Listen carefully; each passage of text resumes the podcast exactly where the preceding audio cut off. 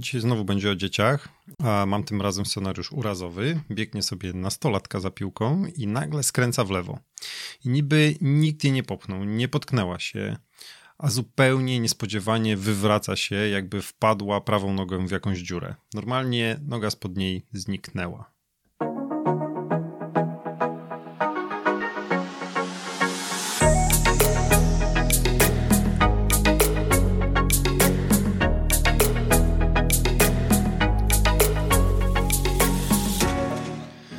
Bardzo serdecznie w dziewiątym odcinku podcastu Ortopedia Moja Pasja.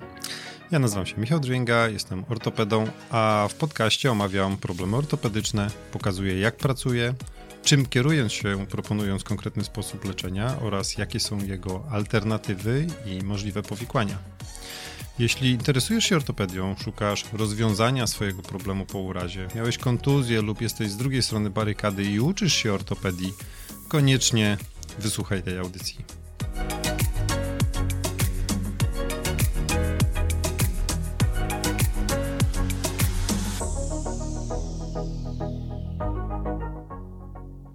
Cześć. We wstępie ująłem oczywiście jeden z możliwych scenariuszy, sumujący pewnie wszystkie najczęstsze statystyki epidemiologiczne na temat patologii, którą nazwiemy pierwszorazowym zwichnięciem rzepki. Mamy dziewczynkę, nastolatkę, aktywną, bez urazu, ruch rotacyjny kolana w biegu, czyli wszystkie czynniki. Cóż takiego to zwichnięcie rzepki? Zacząć muszę od, e, naturalnie od anatomii, bo, jak, e, bo jednak podcast, w którym nie możemy wspomóc się obrazkami, musimy mocno działać na wyobraźnię. Rzepka to trzeszczka. I teraz pytanie, czy wiesz, co to jest trzeszczka? Otóż trzeszczka to taka kość, która jest wbudowana w ścięgno danego mięśnia, w miejscu, w którym to ścięgno pracuje w sąsiedztwie stawu. Czeszka w takim razie poniekąd tworzy staw, ma na sobie chrząstkę, która ślizga się po powierzchni chrzęstnej danego stawu. Funkcja takiej trzeszczki polega na tym, że odsuwając ścięgno od powierzchni, po której się ślizga, zwiększa odpowiednio dźwignię, dzięki czemu siła generowana przez mięsień jest skuteczniej przekładana na ruch w stawie. A dodatkowo trzeszczka chroni takie ścięgno przed przecieraniem. Tych trzeszczek w naszym ciele jest wiele. Nawet mi się zrymowało chyba. Rzepka jest stale występującą trzeszką i zarazem największą. Inne są mniejsze i nie zawsze występują. Mm, takimi mniejszymi, które również zawsze występują, mogą być na przykład trzeszczki w stopie, podstawem śródstopno-palcowym, pierwszym, czyli pod paluchem. Mm, rzepka dorosłego człowieka ma średnicę około kilku centymetrów, tak może 4-5. Średnica chociaż nie jest do końca okrągła, tylko raczej w kształcie takiego stępionego trochę serduszka, trójkąta może, mm, z podstawą przy przyczepie mięśnia czworogłowego. Zresztą sam możesz sprawdzić, jaki kształt ma twoja rzepka, wystarczy dotknąć się kolana. Mówię dotknąć, bo nie zawsze da się ją dokładnie zobaczyć. Na przykład e, nie zobaczą ci, którym się trochę przytyło. Tak, o tej podstawie rzepki to już kiedyś mówiłem trzecim odcinku podcastu, wspominając o źródłach dolegliwości bólowych u dzieci. Chodzi o to, że jak człowiek stoi, to anatomicznie część, która jest na górze, nazwana została podstawą rzepki, a ta, która jest na dole, wierzchołkiem, czyli tak jakby było do góry nogami. Wierzchołek na dole, a podstawa u góry. Tak więc taka rzepka transmituje siłę generowaną przez mięsień czworogłowy i porusza przyczepioną do jej więzadła kością piszczelową. W ten sposób dochodzi do prostowania kolana. Rzepka ślizga się po powierzchni stawowej na kości udowej. I teraz uwaga. Powierzchnia ta nie jest płaska. Tworzy formę rynienki, w której ślizga się odpowiednio dospasowana rzepka i w ten sposób jest do pewnego stopnia stabilizowana, aby nie uciekła, nie ześlizgnęła się gdzieś do boku. Dodatkowo jest ona przytrzymywana przez więzadła w tym samym celu, czyli więzadło rzepkowo-udowe przyśrodkowe po wewnętrznej stronie kolana i toroczki boczne po stronie bocznej. Pomimo tej stabilizacji kostnej zapewnionej przez rynienkę na kości udowej, Mm, anatomicznie nazywa się to e, powierzchnią stawową, rzepkową kości udowej, a nieco bardziej potocznie bruzdą międzykłychciową. Oraz pomimo więzadeł trzymających rzepkę na boku, no, przepraszam, na boki, może dojść do sytuacji, kiedy rzepka wyskakuje z bruzdy i ucieka do boku i praktycznie zawsze do boku. A osobiście nigdzie nie spotkałem się z tym, żeby rzepka uciekała do przyśrodka. W warunkach naturalnych taka niestabilność chyba nie istnieje, a jeśli już to raczej no, taka kazuistyka to by była pewnie. A raczej może ona być wygenerowana jatrogennie, czyli jako niepożądany efekt leczenia chirurgicznego wtedy do przyśrodka. Mm, to wyskoczenie czy ucieknięcie nazywa się właśnie zwichnięciem rzepki. Przy okazji warto wspomnieć, że aby mówić o zwichnięciu, powierzchnie stawowe normalnie współpracujące dwóch osobnych kości muszą trwale stracić kontakt. A często jest to stwierdzenie, czy to zwichnięcie jest nadużywane przy urazach chociażby stawu skokowego, bo często słyszę o zwichnięciu stawu skokowego i oczywiście on się może zwichnąć, ale tam częściej dochodzi do tak zwanego skręcenia. W takiej sytuacji nie dochodzi do trwałej utraty kontaktu powierzchni stawowych. Rzepka, jak się zwichnie, przez dłuższy lub przez krótszy czas pozostaje poza prawidłowym miejscem. No i co wówczas się dzieje? Oczywiście występuje ból, chociaż w stresie i pod wpływem adrenaliny nie zawsze jest odczuwalne tak samo. Rzepka, nie napinając ścięgna mięśnia czworogłowego wokół kości udowej, a idąc jakby pocięciwie, czyli na skróty z boku, powoduje, że mięsień czworogłowy, będący normalnie prostownikiem, zmienia swoją mechanikę i jego napięcie paradoksalnie powoduje zgięcie stawu. Czyli pociągając za kość piszczelową do tyłu, zgina kolano, a nie go prostuje. To dlatego na wstępie, przytaczając historyjkę o biegnącej nastolatce, powiedziałem, że noga spod niej zniknęła. A nagle się mimowolnie zgięła po zwichnięciu rzepki, bo mięsień czworogłowy zamiast prostować kolano je zgiął. Mm, w trakcie zwichnięcia dochodzi jeszcze do zerwania więzadła rzepkowo-udowego przyśrodkowego. To oznacza, że siła zwichająca rzepki jest większa od wytrzymałości tego więzadła.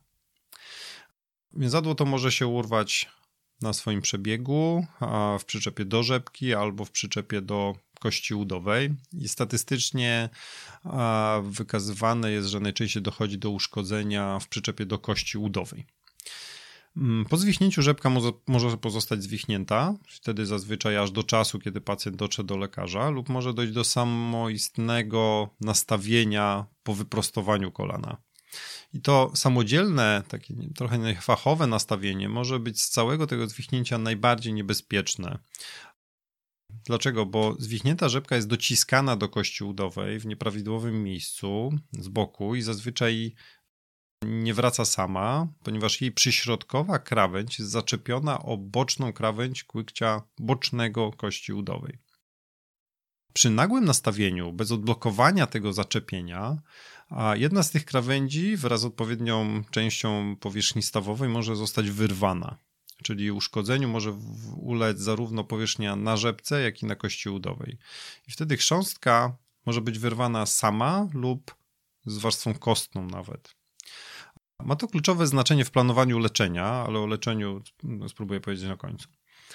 Mm, tak więc najwięcej krzywdy w kolanie dzieje się paradoksalnie nie kiedy rzepka się zwicha, a kiedy wraca na miejsce. Wniosek taki, że nie należy po zwichnięciu samemu nastawiać rzepki, ani nie powinna robić tego postronna, taka niewykwalifikowana osoba jak często dochodzi do zwichnięcia rzepki. Opracowania amerykańskie podają nam statystyki mówiące, że do zwichnięcia dochodzi u 2,3 osoby na 100 tysięcy mieszkańców na rok.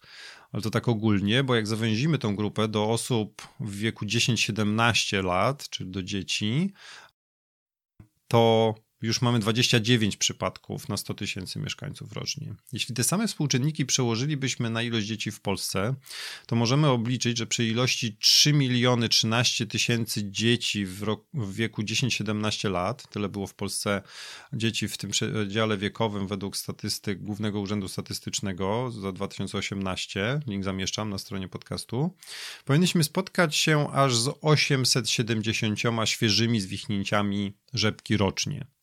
Widać więc, że zwichnięcia rzepki to poważny problem dotyczący głównie dzieci, tak? Ten przedział 10-17 jest tu kluczowy. Jednak konsekwencje tej choroby ponoszą dorośli. Dlaczego? No bo źle leczone zwichnięcie rzepki jest oczywiście kłopotliwe dla dziecka, ale doprowadza do masywnych zmian zwyrodnieniowych dopiero w późniejszym życiu osoby dorosłej. Kiedy pojawiają się zmiany zwyrodnieniowe stawu rzepkowo-udowego, co utrudnia lub uniemożliwia nie tylko uprawianie sportu, ale często zwykłe chodzenie po schodach czy siedzenie ze zgiętymi kolonami jest niemożliwe. Teraz może coś o mechanizmach i czynnikach predysponujących do zwichnięcia rzepki. Co predysponuje rzepkę do zwichnięcia? Czemu ona chce uciec do boku? Najprostsza sytuacja to taka, kiedy ktoś zostaje uderzony w kolano od wewnątrz prosto w rzepkę, co powoduje zepchnięcie rzepki do boku. I taki mechanizm występuje jednak bardzo rzadko, ale może, do, ale może wystąpić. A druga sytuacja może być taka, że dochodzi do urazu koślawiącego całego kolana, na przykład przy uderzeniu w bok na wysokości kolana. W takiej sytuacji dochodzi do uszkodzenia więzadła pobocznego piszczelowego, co już może być niebezpieczne dla rzepki, z tego względu, że przyczep bliższy więzadła pobocznego jest tożsamy z przyczepem, że, przyczepem udowym więzadła rzepkowo-udowego przyśrodkowego, czyli jakby wspólny troszeczkę przyczep dzieci one potrafią się oderwać razem. Przy skoślawieniu kolana przyczep piszczelowy więzadła rzepki, a więc cała guzowatość kości piszczelowej przesuwa się poniekąd do boku, a co za tym idzie napinający się mięsień czworogłowy może wyciągnąć rzepkę do boku. Teraz obie te opisywane sytuacje mogą spowodować zwichnięcie rzepki nawet w najbardziej prawidłowo zbudowanym kolanie. Sytuacja się trochę komplikuje, kiedy budowa samego kolana pozostawia wiele do życzenia. Jakie to odstępstwa od prawidłowej budowy kolana mogą ułatwić zwichnięcia rzepki? Wymienił tu dysplazję stawu rzepkowo-udowego, co oznacza mniej więcej tyle, że bruzda na kości udowej jest wypłaszczona i wtedy nie ma stabilizacji kostnej, czyli nie ma tej rynienki. Może się zdarzyć, że zamiast bruzdy ktoś ma wręcz powierzchnię wypukłą w tym miejscu, która nie tylko nie stabilizuje rzepki, ale utrudnia stabilizację pozostałym strukturom. Dalej bocznie ustawiona guzowatość kości piszczelowej. To powoduje zwiększenie tak zwanego kąta Q. A co to takiego ten kąt Q? Mm, w idealnym stawie, jeśli poprowadzimy linię prostą nad udem wzdłuż mięśnia czworogłowego w kierunku rzepki, to kontynuując tę linię, powinniśmy iść wzdłuż więzadła rzepki, aż natrafimy na jego przyczep w postaci guzowatości kości piszczelowej.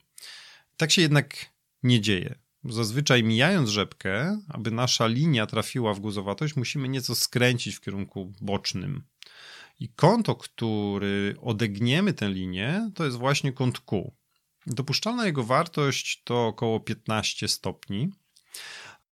Jeśli u danego człowieka guzowatość położenia jest tak bardzo bocznie, że więzadło rzepki przebiega pod kątem ponad 25 stopni, spotykamy się z sytuacją analogiczną do tego drugiego scenariusza, czyli do skoślawienia kolana, kiedy napięty mięsień czworogłowy ustawia rzepkę w linii prostej, czyli likwiduje kąt Q, jednocześnie przesuwając rzepkę do boku.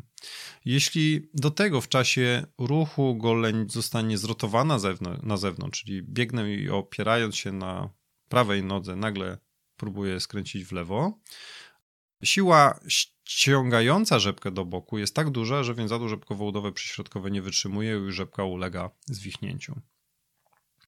Co tam jeszcze z budowy? Spróbuję zgłębić temat rotacji, a mianowicie na początek może rotacji kości udowej, a w zasadzie powinienem powiedzieć torsja. To jest taka wyższa szkoła jazdy, ale spróbuję przybliżyć temat, bo mało kto o tym pisze czy mówi. Wyobraźmy sobie stojącego człowieka. Biodro ma ustawione w pozycji pośredniej rotacji, czyli tak zupełnie normalnie. Patrzymy na kolano, rzepka jest ustawiona idealnie do przodu, czyli też dobrze. Prowadzimy prostą linię wzdłuż uda nad rzepką i nad więzadłem rzepki. Kąt ku, nie przekracza nam 15 stopni. No i super. Patrzymy na stopę i też jest ustawiona prawidłowo do przodu. W czym problem, się zapytasz? Problem nie będzie widoczny na pierwszy rzut oka, ponieważ na tym, że sama polega on na tym, że sama kość udowa jest skręcona wokół własnej osi i przy prawidłowo ustawionym jej końcu bliższym, czyli w biodrze, koniec dalszy jest zrotowany do wewnątrz, czego nie widzimy przez skórę. Powierzchnia stawowa dla rzepki patrzy wtedy do przyśrodka. Kolano oczywiście kompensuje to rozwojowe zaburzenie i wytwarza nadmierną rotację na samym stawie, czyli kość udowa rotuje się kompensacyjnie względem kości piszczelowej albo piszczelowa względem kości udowej i dalej w dół już jest wszystko w normie. No ale rzepka nie podąża za kością udową, tylko mając prawidłowo z przodu przyczep na kości piszczelowej, z automatu swoją powierzchnią nie trafia w ustawioną do wewnątrz powierzchnię stawową na kości udowej i można powiedzieć, cały czas jest podwichnięta do boku względem kości udowej. W rzeczywistości to kość udowa nie trafia w rzepkę. No ja wiem, no takie zawiłe jest, e, ale uwaga, może być jeszcze ciekawiej, bo ta kompensacyjna rotacja na stawie, wcale nie musi być na stawie, a tylko na bliższej części kości piszczelowej, na odcinku pomiędzy powierzchnią stawową kości piszczelowej a guzowatością. I wtedy znów niby z wierzchu wszystko jest pięknie, ale całe kolano w środku, oczywiście bez rzepki, jest ustawione do wewnątrz. Mówimy wtedy o zaburzeniu zarówno torsji kości udowej, jak i piszczelowej. Podsumuję te anatomiczne czynniki predysponujące. Więc tak, płaska bruzda, bocznie ustawiona guzowatość kości piszczelowej i zaburzenia rotacyjne kości piszczelowej i kości udowej. Wcześniej powiedziałem jeszcze o mechanizmach bezpośrednich zwichnięcia i pewnie warto jeszcze wspomnieć o innych takich drobniejszych czynnikach, które same przy izolowanym występowaniu raczej nie będą, nie, raczej nie spowodują zwichnięcia rzepki, ale przy obecności innych mogą już być elementem decydującym. Mamy tutaj osłabienie czy też zaniki głowy przyśrodkowej mięśnia czworogłowego, wzmożone napięcie pasma biodrowo-piszczelowego i troczków bocznych, czy też wysokie ustawienie rzepki, czyli tak jakby zbyt długie więzadło rzepki. Ok, co dalej? Mm, doszło już do zwichnięcia rzepki. Wiemy dlaczego tak mogło się stać i co mogło się uszkodzić w środku.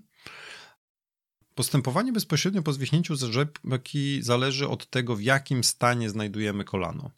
A bardzo ważne jest prawidłowe odprowadzenie rzepki, jeśli nadal jest zwichnięta, bo tak jak powiedziałem, najpoważniejsze uszkodzenia powstają właśnie w czasie repozycji, czyli powrotu rzepki na miejsce, no to już wiesz. Najczęściej jednak rzepka jest już na miejscu, kiedy pacjent trafia do lekarza. Co stwierdzamy w badaniu klinicznym? Całe kolano zazwyczaj będzie większe ze względu na większe bądź mniejsze krwawienie wewnątrz stawu.